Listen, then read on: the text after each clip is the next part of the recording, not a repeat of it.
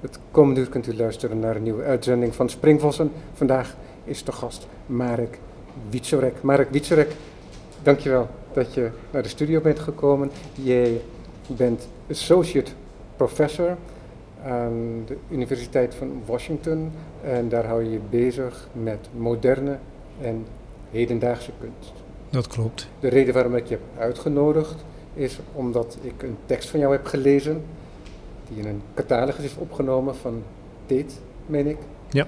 En dat behandelt de studio van Piet Mondriaan en dat breng jij in verband met zijn neoplasticisme. Wat het neoplasticisme is, dat verhelderen we nog wel natuurlijk. Mensen hebben er natuurlijk wel van gehoord, maar dat zijn van die termen die uh, vaak toch wat verduidelijking hoeven. Je bent verbonden aan de universiteit in Washington en dat ben jij al heel lang. Hoe lang woon jij al in de Verenigde Staten? Ik woon al 28 jaar, ongeveer 28 jaar in de VS, ja. ja en, en, 20 jaar, 21 jaar um, geef ik al les aan de University of Washington. Dus je denkt en je schrijft in ja, het Engels? Ja, ik droom ook in het Engels. Dat is nou, heel precies. Dus ik vind het heel fijn dat je dit gesprek met mij in het Nederlands wilt hebben. Schroom niet om je toevlucht te nemen tot een Engelse term, mocht je er niet opkomen, want Hier dat begrijp daar, ik heel ja. goed. De titel van jouw stuk, het is Mondriaans Studio Utopia. Ja. Dat raakt al meteen iets aan waar heel veel conservatoren met een wijde boog omheen lopen. Het idealisme van Mondriaan. Ja, dat klopt. Het idealisme van Mondriaan is iets wat natuurlijk heel sterk bij die tijd hoort. De tijd waarin hij schreef, waarin hij schilderde. Hij was uh, net zo druk bezig met, het, met de ideeënwereld om uh, de uitvinding van de abstractie als de abstractie zelf of de schilderkunst zelf. En ik heb dat niet in dit stuk aangegeven, maar een van de ideeën waar ik nu aan werk bijvoorbeeld is het nadenken over abstractie als een soort nieuwe taal. Die uitgevonden werd om de verschillende kunstvormen samen te voegen. Om ze echt te laten samensmelten in een groter geheel. Waarbij dan de rol van compositie en kleur heel belangrijk werd. En als je dat heel nauwkeurig probeert te volgen in Mondriaans werk, dan zie je dat er eigenlijk al heel vroeg indicaties zijn dat hij in die richting aan het denken is. En dat schrijft hij ook. Hoe de rol van zijn schrijven in relatie tot zijn kunst is een van verkennen. Het nadenken over wat je tot nu toe hebt gedaan. Dus je kijkt terug op wat je al geschilderd hebt in de zeg maar, afgelopen jaren. En daar kun je dan langzaam lijnen in gaan herkennen. En die kun je dan weer extrapoleren naar de toekomst. En dat is een vorm van denken die heel veel te maken heeft met de Duitse filosoof Hegel. Die trouwens de eerste kunsthistoricus um, per se was. In de zin dat hij kunst en geschiedenis samenbracht in een verband.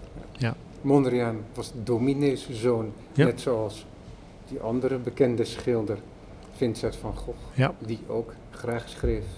Nou, eh, om het iets meer precies te doen, de vader van Mondriaan was niet een dominee, maar wel het hoofd van een zwaar gereformeerde eh, basisschool.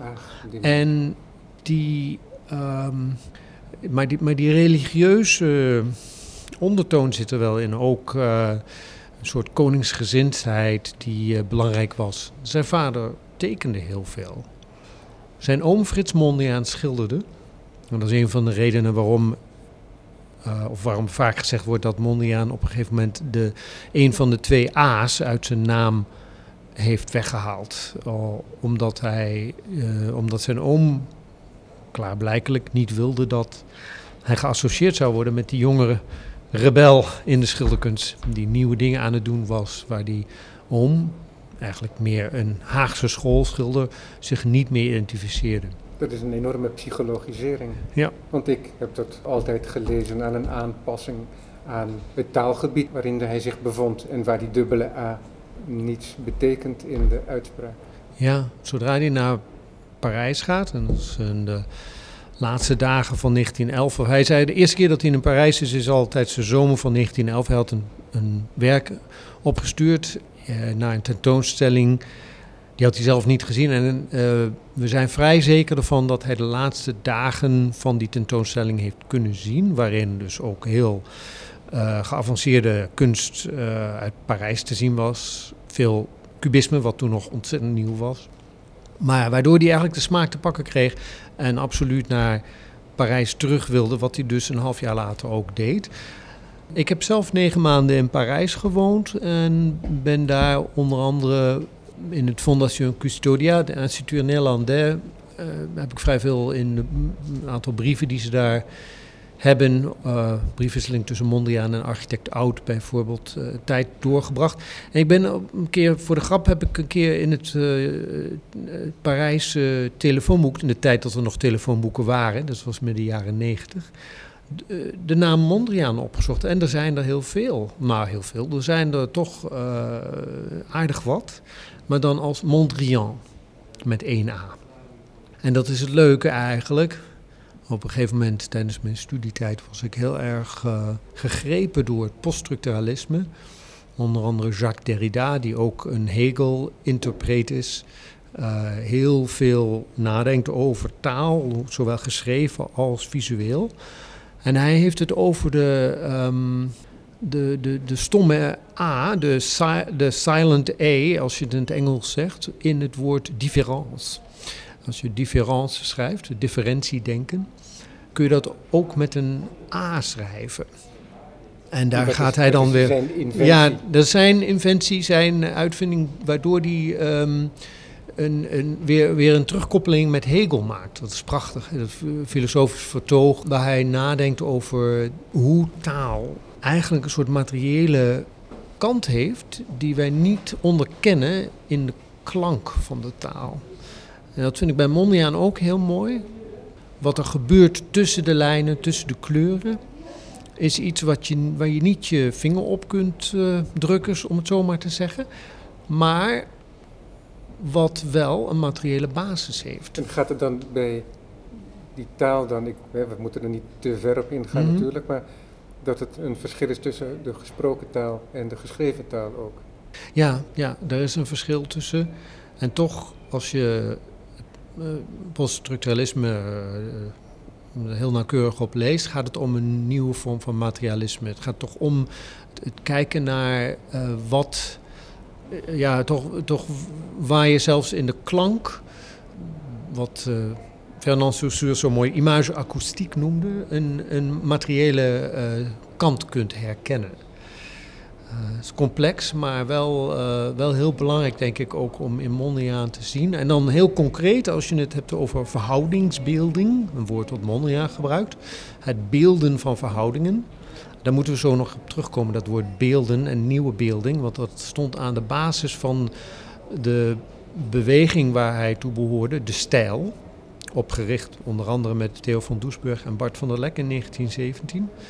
Nieuwe beelding en beelding waren neologismen, nieuwe woorden die wel een oudere lading hadden, maar die verschoven werd. En ja, ik vind het, de geschriften van Mondriaan enorm belangrijk. Terwijl er hoorden kunsthistorici zijn die zeggen van ja, dat moet je niet zo nauw nemen. Hij was toch uiteindelijk schilder en hij probeerde wat te filosoferen, of zo zullen het zo nooit letterlijk zeggen. Of dat er juist heel direct, vrij letterlijk wordt ingegaan op zijn meer theosofische inslag, die onmiskenbaar is. Maar dan uh, het helemaal over een soort vergeestelijkte boeg gooien. Ik denk dat de waarheid altijd in het midden ligt. Het is ook typisch natuurlijk voor onze tijd en de afgelopen, nou laten we zeggen, 30 jaar, met het einde van de grote verhalen, ja. dat dat idealisme terzijde is geschoven. Ja.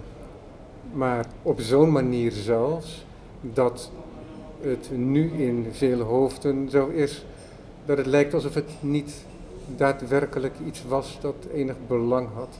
Ja. En daarom vond ik het heel interessant om jouw tekst daarover te lezen. En dat hangt dan ook weer samen met wat jij zojuist zei, en daar wil ik graag op terugkomen. maar misschien moeten we dat later doen, over dat vinden van een nieuwe taal. Ja. Dat vinden van een nieuwe taal, dat gebeurt in woord, in Ja. zijn teksten en in de gesprekken die hij ongetwijfeld voert met Van Eesteren, met Oud, maar voornamelijk met Van Doesburg, denk ik. Ja. Maar deze Piet Mondriaan, die is ook in zijn vroege periode in Amsterdam, laat hij zich al fotograferen. Hij poseert dan, soms zelfs als een Oosterse wezen met een baard, in zijn studio aan, ik denk het Oosterpark was dat. Tegenover Dus het hij is Oosterpark. dan, Ja. hij is zich al heel bewust van het belang van zijn presentatie als kunstenaar. Ja, de eerste foto die we hebben is eh, van, van zijn atelier is Mondriaan die aan zijn ezel zit. En, daarop staat een eh stilleven. Maar aan die ezel hangt ook een, een zonnehoed. Omdat hij ook een plein air schilder is. De open lucht opzoekt. Plein air is natuurlijk een Franse term daarvoor. En in het landschap en vaak heel erg gefascineerd is door momenten waarop eh, het, licht bijna aan het ontbreken is. Dus bij eh, duisternis, nog niet helemaal donker, bij maanlicht. En daarin zie ik dus ook al een soort voorbode van wat hij later gaat doen. Dan zoekt hij extreme op. Dus extreem licht en extreem donker. En wat zit daar tussenin? En dat moment van de dag dat hij uitkiest, dat is toch ook wel een geliefd moment van heel veel kunstenaars, omdat de werkelijkheid zich dan op een andere manier openbaart. Dat er zijn heel veel storende details die al wegvallen en die een kunstenaar beroepshalve misschien al geneigd is te filteren. Ja. En dat wordt, komt ook heel mooi tot de uiting in een boekje van James Lord, Ja. waarin hij beschrijft hoe hij geportretteerd wordt door Giacometti. En Ja. Giacometti die dan ook de avond over het doek laat vallen Ja, ja. om eh, de definitieve toetsen aan te brengen. Definitieve toetsen eh, die die eigenlijk nooit bewerkstelligt. ja. Maar dat is dan het spel daarin. Maar wel dat moment ook. En dat Ja. heeft Nou. ook Mondriaan helemaal gethematiseerd. En die beeldt dat ook letterlijk uit. Ja, dat klopt. En er zit- zitten groot, de grotere lijnen komen dan tevoorschijn als het eh, donkerder wordt. Bij Giacometti is het natuurlijk een soort existentialisme. En er zijn ook hele mooie citaten van Giacometti zelf. Die zegt van ja, eh, ik, ik probeer je te vatten, maar ik kan niet. En eh, dan moet zo'n persoon die tegenover hem zit honderd keer geportretteerd worden. En het wordt steeds kleiner. De soort existen- existentialistische angst is dat. Bij Mondriaan was dat toch iets anders, heb ik het gevoel. Hij was meer filosoferend bezig met grote lijnen. Met inderdaad de grote trekken in het landschap. En heel mooi beschreven in de trialoog. Dus een eh, dialoog tussen een, een leek, een naturalistische schilder en een neoplastische, of een schilder die de nieuwe beelding vertegenwoordigt. Eh, met andere woorden, een zelfportret. En in die dialoog heeft hij het ook over die grote lijnen. Bijvoorbeeld de maan die boven een kaal landschap staat en waarin je een loodlijn kunt trekken van de maan naar de horizon, waarbij je dus eigenlijk al die, die twee primaire elementen hebt die Mondriaan karakteriseert, namelijk de verticale en de horizontale. Maar even terugkomen op de, grotere, de grote vertogen waar je het net over had. Dat is natuurlijk een ci- citaat van Jean-François Lyotard, de, de postmodernisme, de, postmodernisme is gekarakteriseerd door het laten varen van die grote vertogen. De bevrijding van de mensen, emancipatie, eh, de kwesties die al sinds het verlichtingsdenken spelen. Ehm, er is inderdaad... en die vertogen die uiteindelijk naar een punt aan de horizon wijzen Ja. waar we naartoe moeten streven. Ja. Ja, en dan het einde van de geschiedenis is natuurlijk ook één daarvan, wat die gerelateerd kan worden aan Hegel weer. Want die Ja. schreef dan over dat idee van de einde, het einde van de geschiedenis. Ja, Nou, ik vind het dat is een beetje making light of Hegel. Ja, ja, inderdaad. En, en dan heb je natuurlijk uh, Francis Fukuyama en anderen die sinds de val van de muur het hebben over het einde van de ideologieën. In mijn, mijn eh, optiek is er geen grotere ideologie dan het verklaren van het einde van de ideologieën. Ja, maar precies. dat is weer een heel ander verhaal.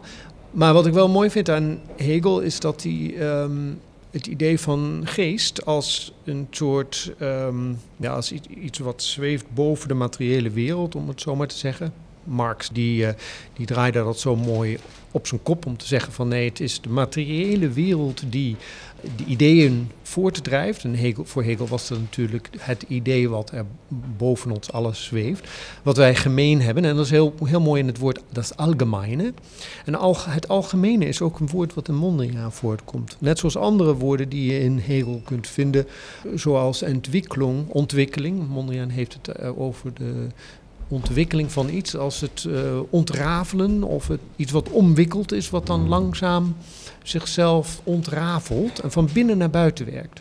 En dat idee van binnen en buiten, dat kun je heel letterlijk zien bij hem. Zo'n prachtig klein tekstje, Palmzondag heet dat denk ik, waarin hij het heeft over een sinaasappel. Oranje van binnen, oranje van buiten. Ja, ja. Ook als hij bloemen schildert, bij, bijvoorbeeld zo'n amaryllis of, of een chrysant, dan zie je dat daar ook een soort uh, uitbreidingsidee in zit. En dat is ook weer een van de principes die hij uit Hegel haalt via andere denkers zoals Gerard Bolland. Dat was, die was uh, uh, filosofieprofessor in Leiden. heel bekend in Nederland op dat moment. Net als Bergson in Frankrijk, die aan de Sorbonne les gaf waar je alleen standing room had, zeg maar. Je kon bijna niet binnenkomen. Heel uh, populaire uh, colleges. Uh, soortgelijk met Bolland, die aan het hegelen was. Van Dusburg was daar heel denigerend over. Die noemde hem in zijn dadaïstische, ja, typisch dadaïstische geschriften Hegels diarree. dat Bolland heeft zo ontzettend veel gepubliceerd over Hegel en uh, heruitgaves van verschillende edities gedaan dat, uh, nou, dat het eigenlijk wel een beetje klopt. Maar het mooie is dat het taalgebruik voor uh, Bolland heel belangrijk was. in zijn boek De zuivere reden en hare werkelijkheid. Dat is trouwens heel mooi, het woord werkelijkheid komt ook in Mondriaan voor. Werkelijkheid wat trouwens betekent dat wat werkt, wat aan werking onderhevig is. En dat kun je direct op Mondriaan schilderijen toepassen. De reden manifesteert zich in de werkelijkheid. Er is een, soort onderliggend principe en dat is de dialectiek. Het, denken in termen van opposities. Dus uitbreiding, begrenzing, verticaal, horizontaal, naar voren, naar achteren. Er is ook een ruimtedimensie in Mondriaans werk, wat een van mijn hoofdargumenten is. Maar terugkomend op dat idee van het einde van de geschiedenis, is dat alleen aan het einde van de geschiedenis kunnen wij zien dat alles zich aan elkaar relateert op een hele transparante manier. En ik wil niet zeggen dat Mondrian daar een voorbeeld van is, maar er is een soort transparantie in het onderkennen van alle verhoudingen die zich in zo'n schilderij bevinden, die je ook direct kunt zien op het vlak. Nou goed, er is meer over te zeggen. Ik vond het ook leuk dat je aankaart dat er een foto is. En die is al van 1908. Uh, eh, genomen door een fotograaf die heette Drektraan. Inderdaad, dat is meer bij het Oosterpark in de, in de buurt. Uh, waar Mondriaan een boek aan het lezen is. Dus hij poseert in zijn atelier. Niet als schilder, zoals voorheen, maar als denker. Hij zit bijna in de positie van Le Penseur van Rodin. Maar hij is een heel dik boek aan het lezen. En ik, ik vind het uh, natuurlijk een hele leuke gedachte, dat kan ik niet onderbouwen. Dat hij daar die hele dikke pil van, van, uh, nou, van Bolland, uh, zuivere reden, dat, is iets, dat is een boek van 1200 plus pagina's. Uh, aan het lezen is. En uh, de introductie daarvan gaat over de, uh, de hogere waarde van de Nederlandse taal. Bolland stelt die zelfs boven het Duits, omdat wij in het Nederlands van die mooie woorden hebben. En dat vind ik zo prachtig, daar kun je weer direct een link leggen met iemand als Mathieu Schoenmakers, die Mondriaan persoonlijk heel goed gekend heeft in Laren toen ze daar woonde, samen met Bart van der Lek. Een dorpje wat heel veel zogenaamde wereldverbeteraars uh, huisde. Dus uh, iedereen die een beetje alternatief dacht, die trok naar Laren. Vegetariërs bijvoorbeeld, dat was toen een radicale instelling, die woonden daar ook. Maar ook geheel onthouders en uh, iemand als Brouwers, die in toch een hele belangrijke mathematicus, een, wiskundige was, woonde daar ook. In zijn hutje op de hei. En dat, uh, dat was zo'n mooie omgeving. Schoenmakers heeft dat oppositiedenken, dat denken in termen van tegenstellingen, overgenomen van Bolland. Die in 1900 een boek schreef dat heette Eenheid van Tegendelen. Kun je ook zo een Mondriaans werk vinden. Het is een eenheid van opposities. En daarbij is het woord tegendeel heel belangrijk. Schoenmakers noemden dit soort woorden als werkelijkheid uh, levenswoorden, omdat die door het leven geschapen zijn. Het woord tegendeel geeft aan dat iets een tegenstelling is, maar dat het ook deel is van iets anders. Prachtig idee. Zoals je bijvoorbeeld binnen kunt zeggen, maar daarmee meteen impliceert buiten.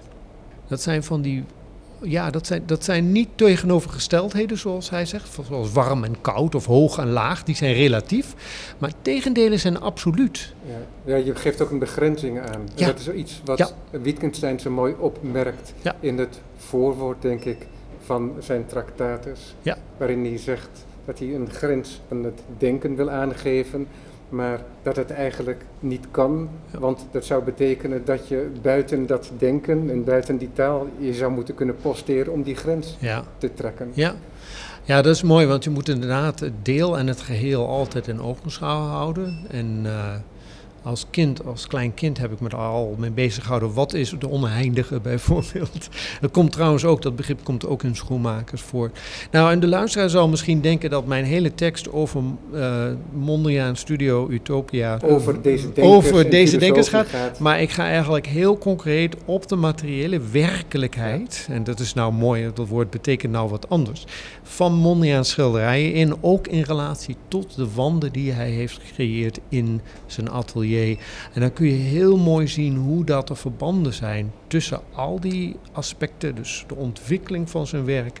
Hoe je op de wanden kunt terugzien dat hij met van die kartonnen, uh, vaak primair gekleurde kartonnen, maar ook zwart-wit en grijs te werk gaat en composities maakt als een soort mechanisch schetsboek. Het is prachtig. Ja, Mark, ik heb jou natuurlijk ook uitgenodigd om over die ideeën te spreken. We gaan ook concreet over je tekst spreken en over de concrete omstandigheden waar je dan over schrijft. Dus de ontwikkeling in zijn schilderkunst en ook de ontwikkeling in zijn denken over ruimtelijkheid ja. en de verhouding van de schilderkunst, het platte vlak, zelfs op enig moment het illusoire vlak. Ja. Dat dan een samenspel aangaat en een rol gaat spelen in zijn denken over de ruimte en daarmee uiteindelijk ook over architectuur. Ja. Nou, het woord beelding is hier essentieel. Want dat is natuurlijk vertaald als plastiek in het Frans, plastiek. Of, of plastiek in het, uh, ja, als je het over plastiek hebt, denk je over beeldhouwkunst. En dat is iets wat ruimtelijk is. Maar het woord beelden als werkwoord, ik heb het opgezocht in het groot woordenboek van de Nederlandse taal. Dat was uh, pas heel laat afgekomen, maar in 19, nee, 1898 is een van de eerste delen met de B verschenen. Daar staat onder het werkwoord beelden dat het obsoleet is. Het was toen al niet meer in gebruik. Dat is weer een nieuw leven ingeblazen door iemand als schoenmakers, die het vergelijkt met het vormgeven wat zich zeg maar, in de natuurlijke werkelijkheid zich uh, ontplooit. Eh, als je gaat denken over groei of gewassen, dingen die uitbreiden, die ja, een soort expansieve drift hebben, dat is het leven, zeg maar. En de begrenzing. En nieuwe beelding, zegt hij, is dat moment dat er een soort sprong wordt gemaakt in een ander soort werkelijkheid. Dat er een nieuwe vorm ontstaat. Maar het is eigenlijk geen vorm, want het gaat om de verhouding tussen die uitbreiding en die begrenzing. Dus die limiet waar je het net over had. Nou, dat is heel mooi, want de stijl, Mondriaan en Van Doesburg en Van der Lek.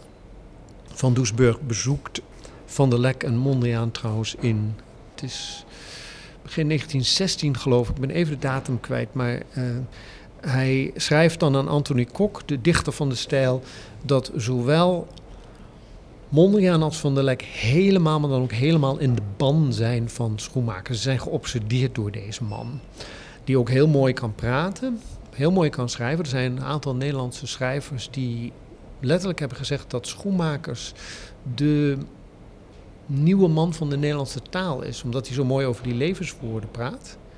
En als je gaat, ja, dat is nogmaals, er zijn zoveel woorden. Mondriaan gebruikt het woord exact bijvoorbeeld, tussen aanhalingstekens.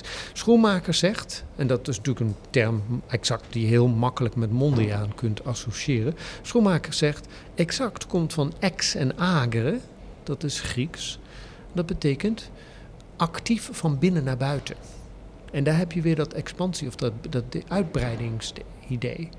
Exact is niet iets wat gewoon een net lijntje is, wat heel precies met een lineaal getekend is. En zo werkt Mondriaan überhaupt niet.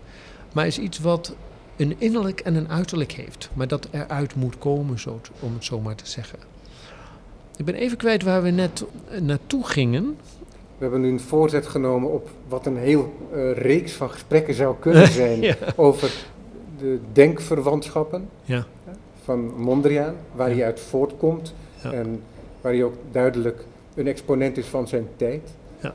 En tegelijkertijd is hij dan ook die schilder. En wat ik zojuist zei, is eigenlijk, dat heb jij zelf ook aangegeven, dat in jouw tekst, dat je veel heel concreet bent over voorbeelden, ja. hoe dat gaat.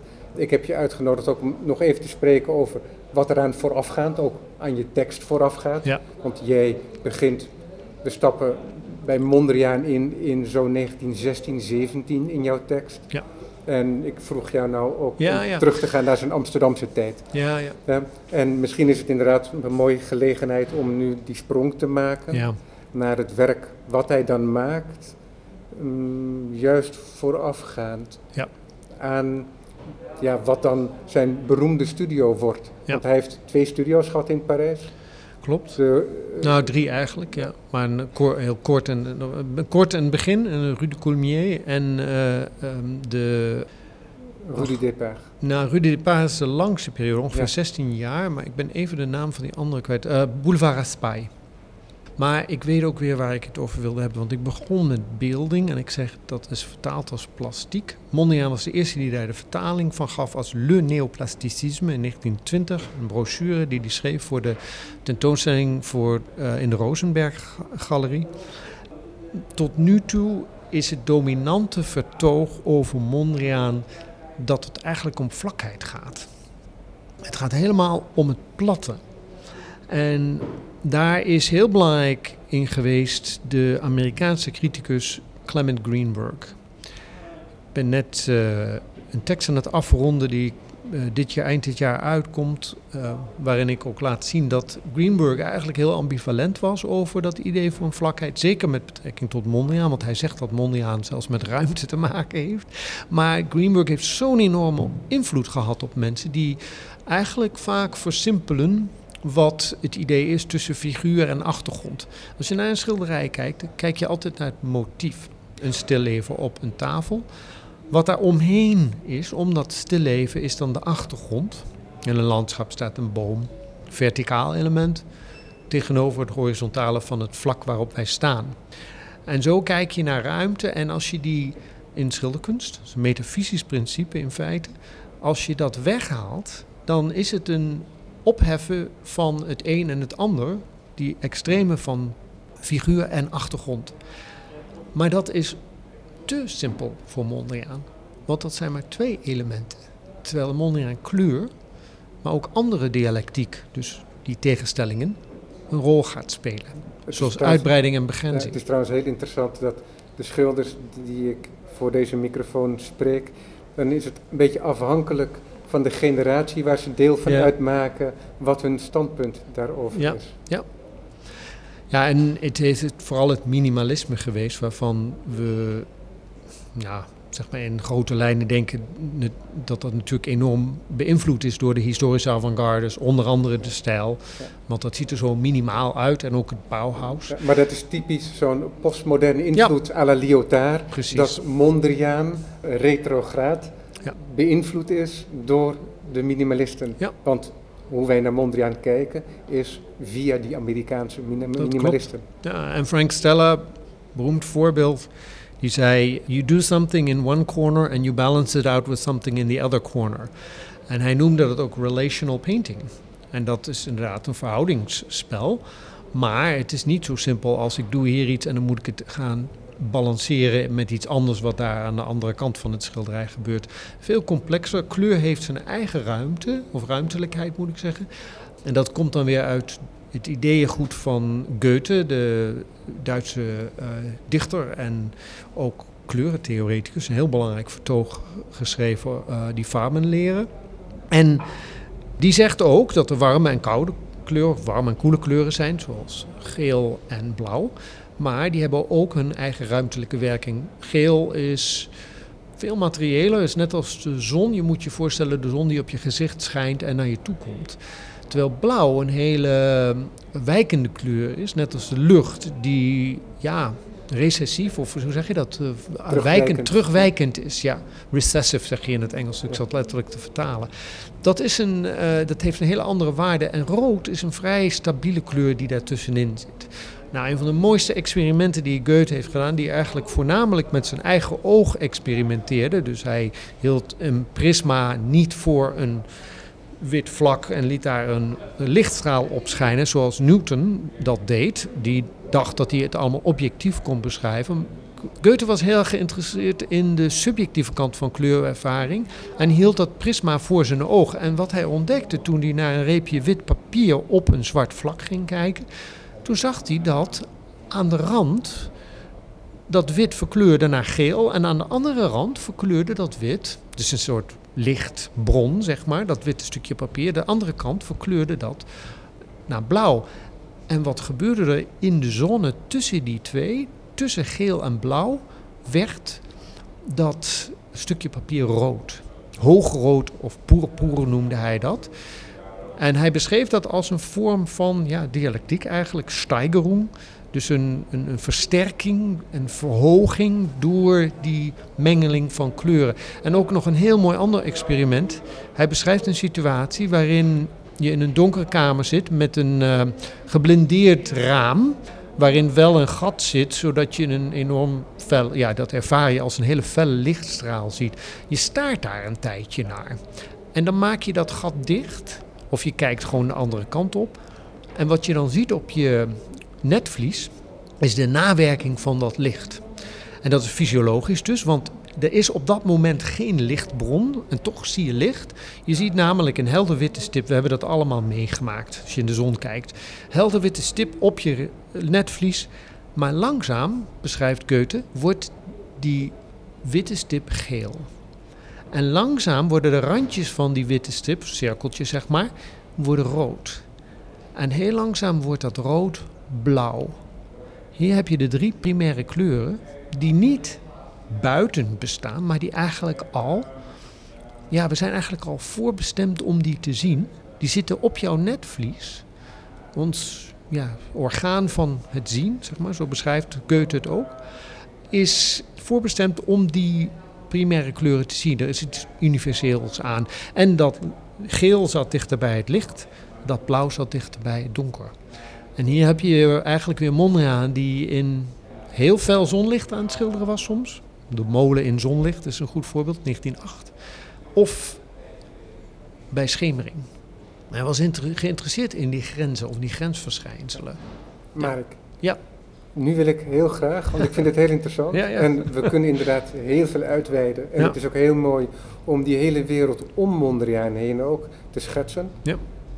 Bij deze nodig ik je uit voor toekomstige Oh, gesprekken. leuk. Ja, graag. Maar het is denk ik ook belangrijk om te delen wat jij in die tekst schrijft.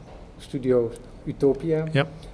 over die zoektocht van Mondriaan om van het platte schildersvlak om zich ook in de ruimte te verbreiden. Ja.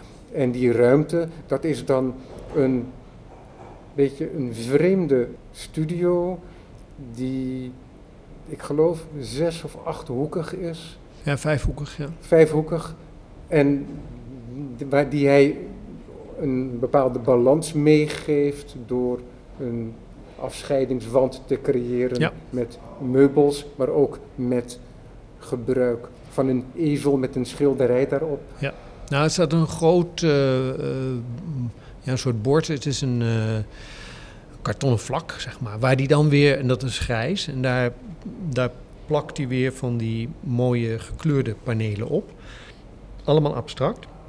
Wat heel frappant is, is dat er uh, zelfs architecten zijn geweest, zoals Alfred Roth, die uh, later zijn gevraagd: zou je een plattegrondje kunnen schetsen van Mondriaans atelier in Parijs? En dan maken ze rechthoekig in plaats van uh, vijfhoekig. En dat is eigenlijk het visuele effect wat Mondriaan heeft beoogd. En dat heeft alles te maken met het idee van het vlak. En de meeste bezoekers van die studio, die achten die studio ook veel groter ja. dan die daadwerkelijk was. Het is vergelijkbaar met als je naar het Schreuderhuis van uh, Rietveld gaat, wat ik iedereen aanraad in Utrecht dan uh, is die bovenruimte eigenlijk helemaal niet zo groot als je denkt dat die is. Misschien van foto's of andere, uh, maar heel dynamisch. Mondriaans atelier was ook heel dynamisch. Wat ik mooi vind in 1926 komt de fotograaf Paul Delbo langs. Die maakt een iconische foto, of inmiddels iconisch in de zin van dat die heel veel gereproduceerd is, van die achterwand waarbij je het gevoel krijgt, Mondriaan is iets heel nieuws aan het doen met de architectuur. Moeilijk om je vinger daarop te drukken wat dat precies is.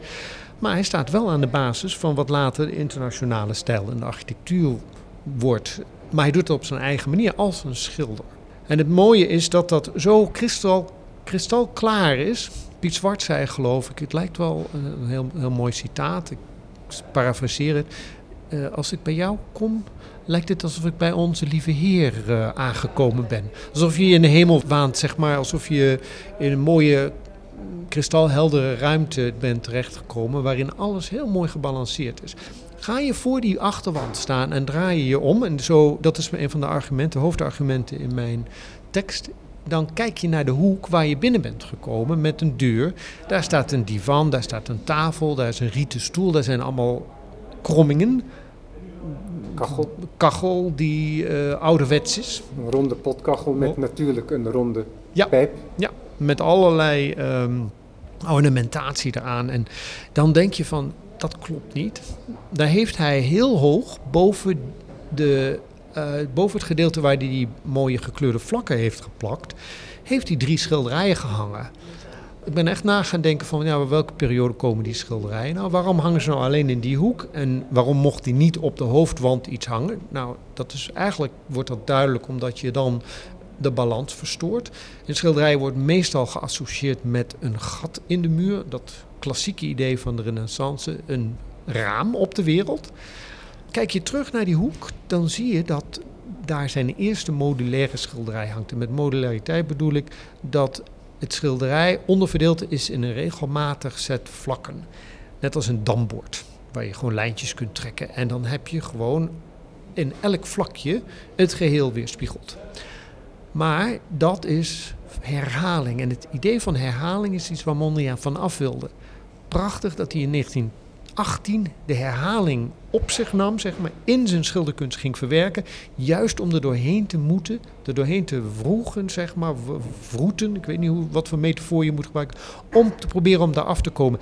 En als je dan gaat kijken naar het schilderij wat boven de deur hangt. Wat zeg maar in. Uh, mag van de, mag ik je ja? even onderbreken? Want die fase dat hij die modulaire schilderijen maakt. Ja?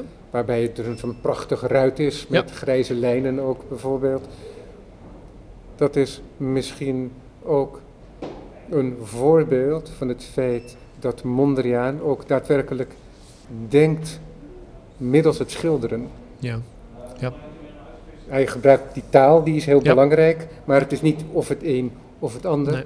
Het gaat samen. Ja. En die periode, die is niet zo heel erg lang dat hij die modulaire schilderijen nee, maakt. Nee, is ongeveer twee jaar. Hij maakt daar prachtige werken in.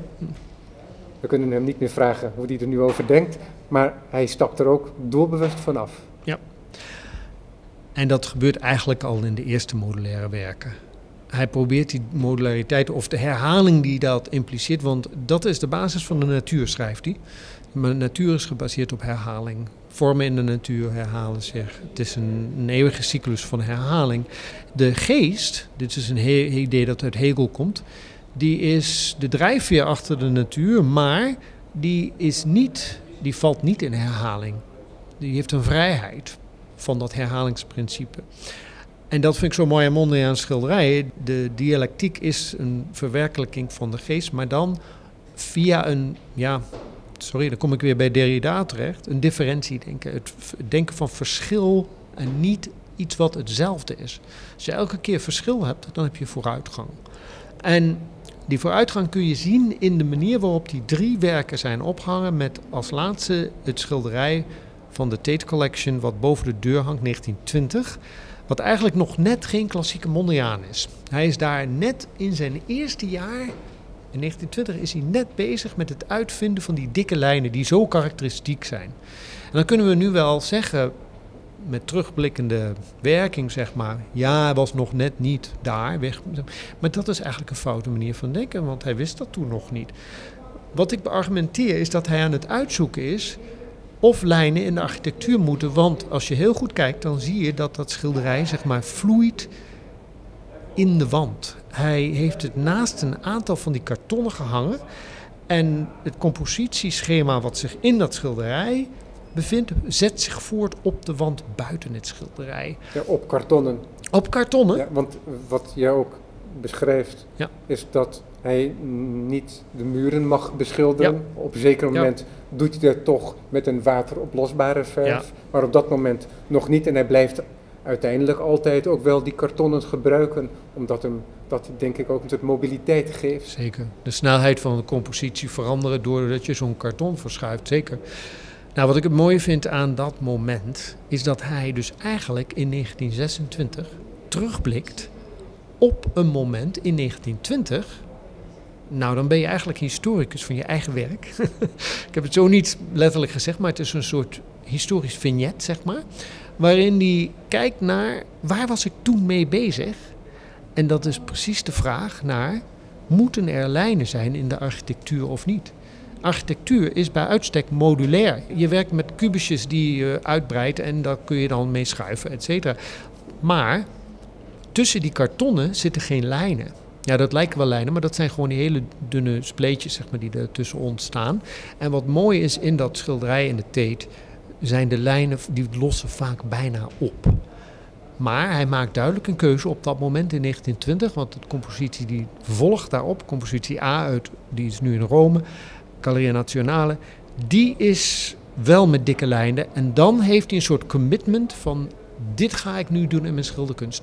Ik denk dat dat een van de oorspronkelijke momenten is voor Mondriaan waarop hij zich toelegt op die dikke lijnen. Ook omdat kleurvlakken die naast elkaar liggen elkaar beïnvloeden visueel. Net zoals ook dat experiment van Goethe wat ik net beschreef. Als je een uh, rood vlak, lang naar een rood vlak staart en je kijkt dan weg van dat vlak, dan krijg je een groen nabeeld op je netvlies.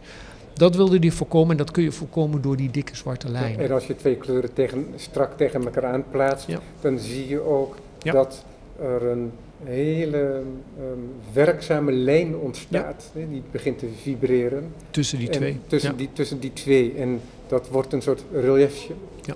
ja.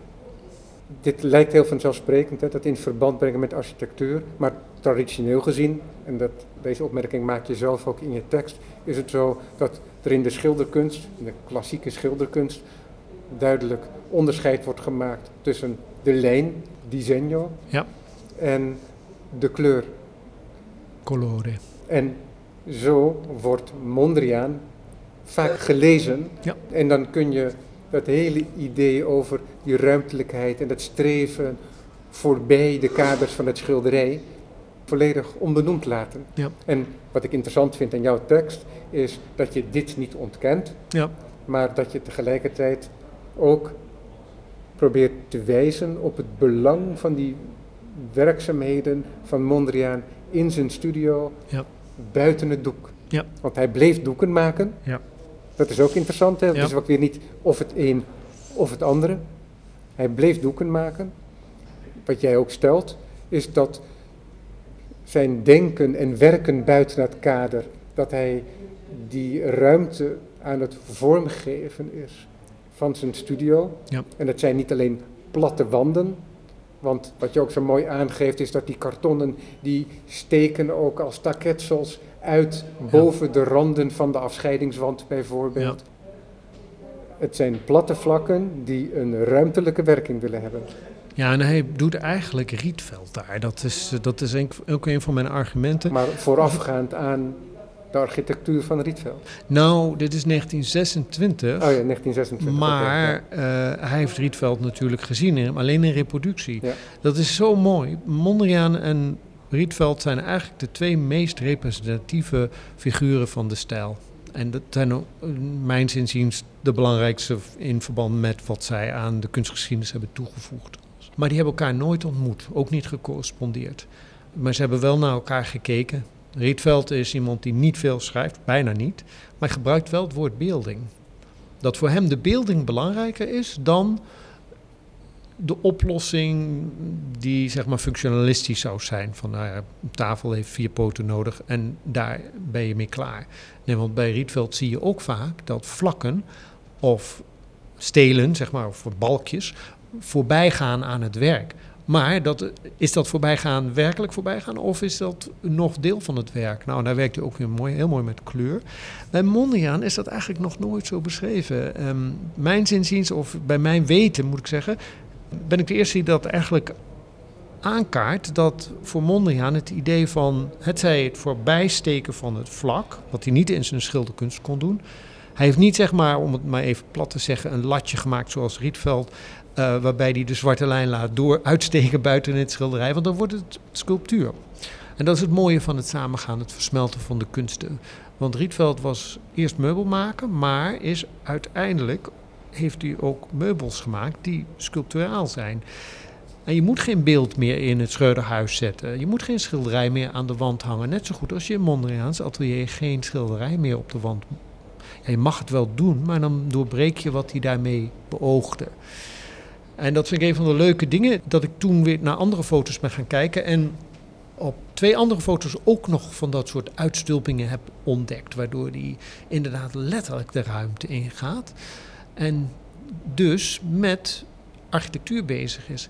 En eh, je zei net disegno colore, dus tekenen en, of lijn en kleur. Dat is een heel oud debat in de geschiedenis van de schilderkunst. Maar één die niet bestond in de architectuur.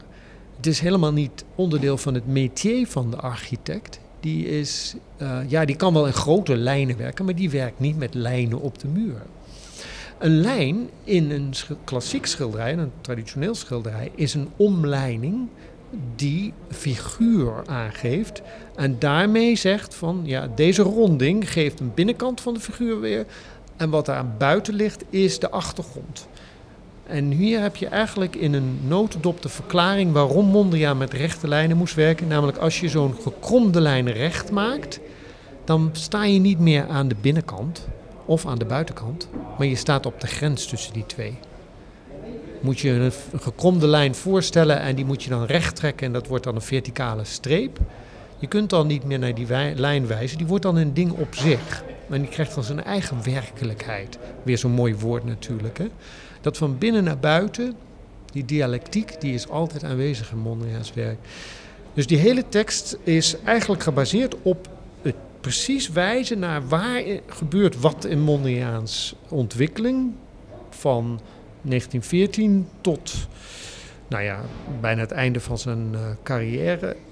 Kijk ik naar zijn ateliers. Ik kijk alleen niet naar het New Yorkse atelier, daar verwijs ik even naar. Maar ik probeer echt die, die verbinding of die eh, relaties tussen de schilderkunst en de architectuur die hij dus maakt, of het interieur moet ik eigenlijk zeggen, eh, probeer ik dan heel direct weer te geven. Er is ook ergens een uitspraak die Mondriaan doet. Ik weet niet of het een uitspraak is die neergeschreven is of dat hij het ergens schrijft.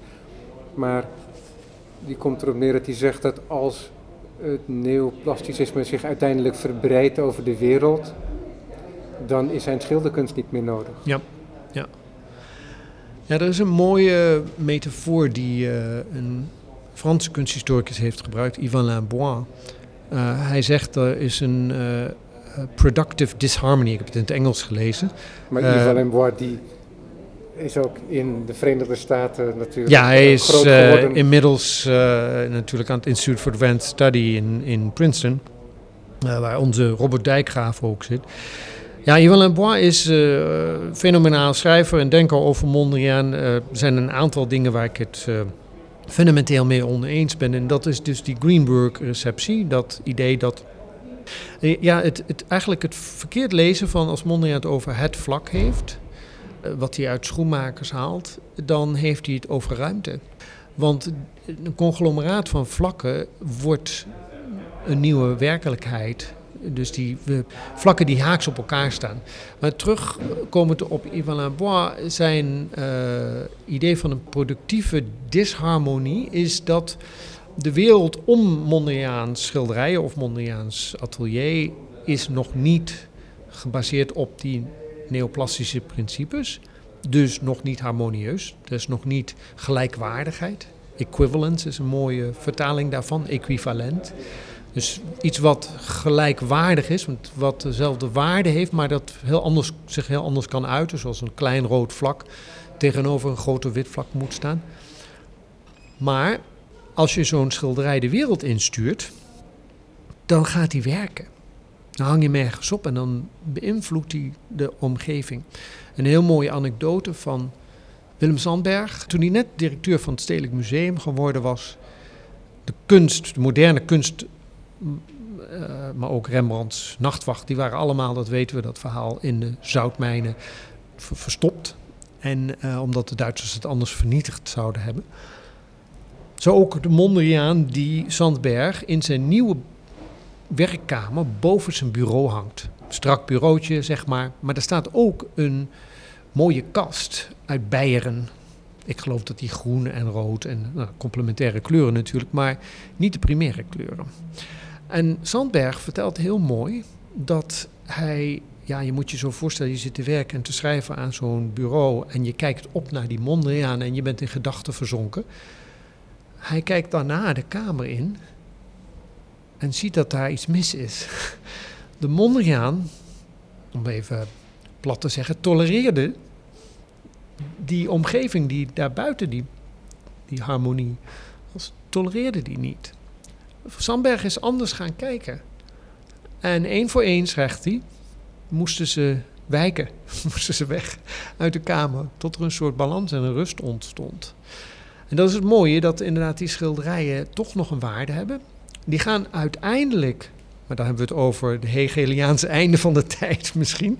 Natuurlijk een waanidee, maar het idee dat, en dat is ook Hegels idee van de moderne staat, zijn idealisme schuilt in het idee dat uiteindelijk elke burger een transparante verhouding heeft tot ja, iedereen, maar ook de mensen die zeg maar de staat beheren. En dit is een versimpeling van Hegels idee. Maar op zo'n moment kun je je de vraag stellen: is er nog vooruitgang? Als alles transparant is en goed gebalanceerd en iedereen zijn eigen identiteit begrijpt in relatie tot de identiteit van anderen en daar ook de, laten we zeggen, uh, het respect in toont. Van ik waardeer jou, maar ik, ik, ik heb ook een soort acknowledgement dat je er bent. Ik vind het is ook een beetje het Platoonse idee dat de goede vorm uiteindelijk een manifestatie is van het goede en dus ook het goede verbreidt. Behalve dat Hegel niet met Plato door één deur kon en de goede vorm voor Mondriaan eigenlijk niet bestond, want als je het over vorm hebt, dan heb je het weer over begrenzing. Ja, want wat ik interessant vind is dat je nog net zei van ja, een schilderij, dat werd dan traditioneel gezien als een venster jouw ja. Sandberg-anekdote haalt het in ieder geval de gedachte onderuit dat een schilderij van Mondriaan ook zo'n venster zou zijn. Ik noemde aan het begin van deze uitzending Mondriaan ook een idealist.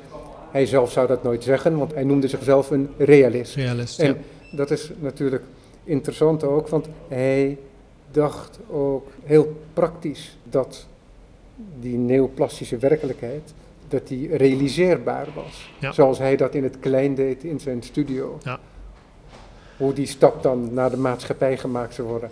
Daar kan niemand antwoord op geven, natuurlijk. Ja. Nou, maar aan het einde maar, maar, maar, maar, dat is wel interessant, is dat hij dat schilderij dus daadwerkelijk ook niet meer als een symbolische ruimte ziet. Nee. Absoluut niet. En, en dat idee dat het op een gegeven moment opgaat in de werkelijkheid of in een gebouwde om, bebouwde omgeving, of hoe zeg je dat? Nee, de, je, om, je omgeving. Dat dat niet alleen voorgeschreven is door hem. Hij zegt ook, en dat vind ik heel mooi, daar is hij heel uh, bescheiden in. Ik weet niet of ik het bij het rechte eind heb. Dat zegt hij in brieven, in zijn geschriften. Misschien komt er iets anders, misschien komt er iets beters. Maar dit is wel een weg die we moeten bewandelen om dat equivalentiedenken, dus gelijkwaardigheid van anderen, maar dan zie je dat letterlijk in de schilderijen, dat elk element alleen kan bestaan bij gratie van het verschil met alle andere elementen in het geheel. En dat is zo mooi, daarom heb je die grens nodig, maar hij wil die wel doorbreken. En het is, gaat om die uitbreiding, want zelfs in zijn kaders, dus het frame wat hij om een schilderij zet, het staat niet voor het schilderij met een vergulde barokke lijst, wat je vaak om een Cézanne ziet. Dat is, uh, als ik dat in een museum zie, dan denk ik van die moet ik er echt afhalen. Want uh, je kunt het schilderij bijna niet meer zien. Maar dat, uh, die, die lijst is grijs gemaakt. En dat is een dun latje wat naar achteren geduwd is. Waardoor het schilderij een soort werkelijkheid krijgt. Het ja, krijgt een, een realiteit in de ruimte. Zelf. Het is een heel eenvoudig vuur en houten latje. Ja, ja, en uh, het mooie is dat de. Um, ja, dan wordt het weer een beetje filosofisch, maar, maar je kunt bijna zeggen dat hij letterlijk. In het Engels kun je dat zo mooi zeggen. He literally draws the frame inside the painting. En drawing betekent dat je het frame naar binnen trekt, maar ook tekent. letterlijk tekent ja. door het spel van verhoudingen wat ontstaat door die zwarte lijnen. Want dat zijn een soort kaders. Maar die kaders zijn nooit op zichzelf staand. Want een lijn loopt door. Het vlak deelt die lijn met andere vlakken. Buurmannen, zeg maar, of buurvrouwen. en dat is zo'n mooie metafoor, dat je gewoon die um, individuele elementen ziet in relatie tot alle andere elementen. We zijn hier nog lang niet over uitgesproken, nee, zeker niet. maar we zijn wel aan het einde oh, van het uur jammer. beland. Marek Lietserek, ja. dankjewel. Graag gedaan. We spraken naar aanleiding van een tekst die al enige tijd bestaat, maar die ik pas later ontmoette. Uh, Mondriaans Studio Utopia. Ja, van de Tate Liverpool. Ja, dank je.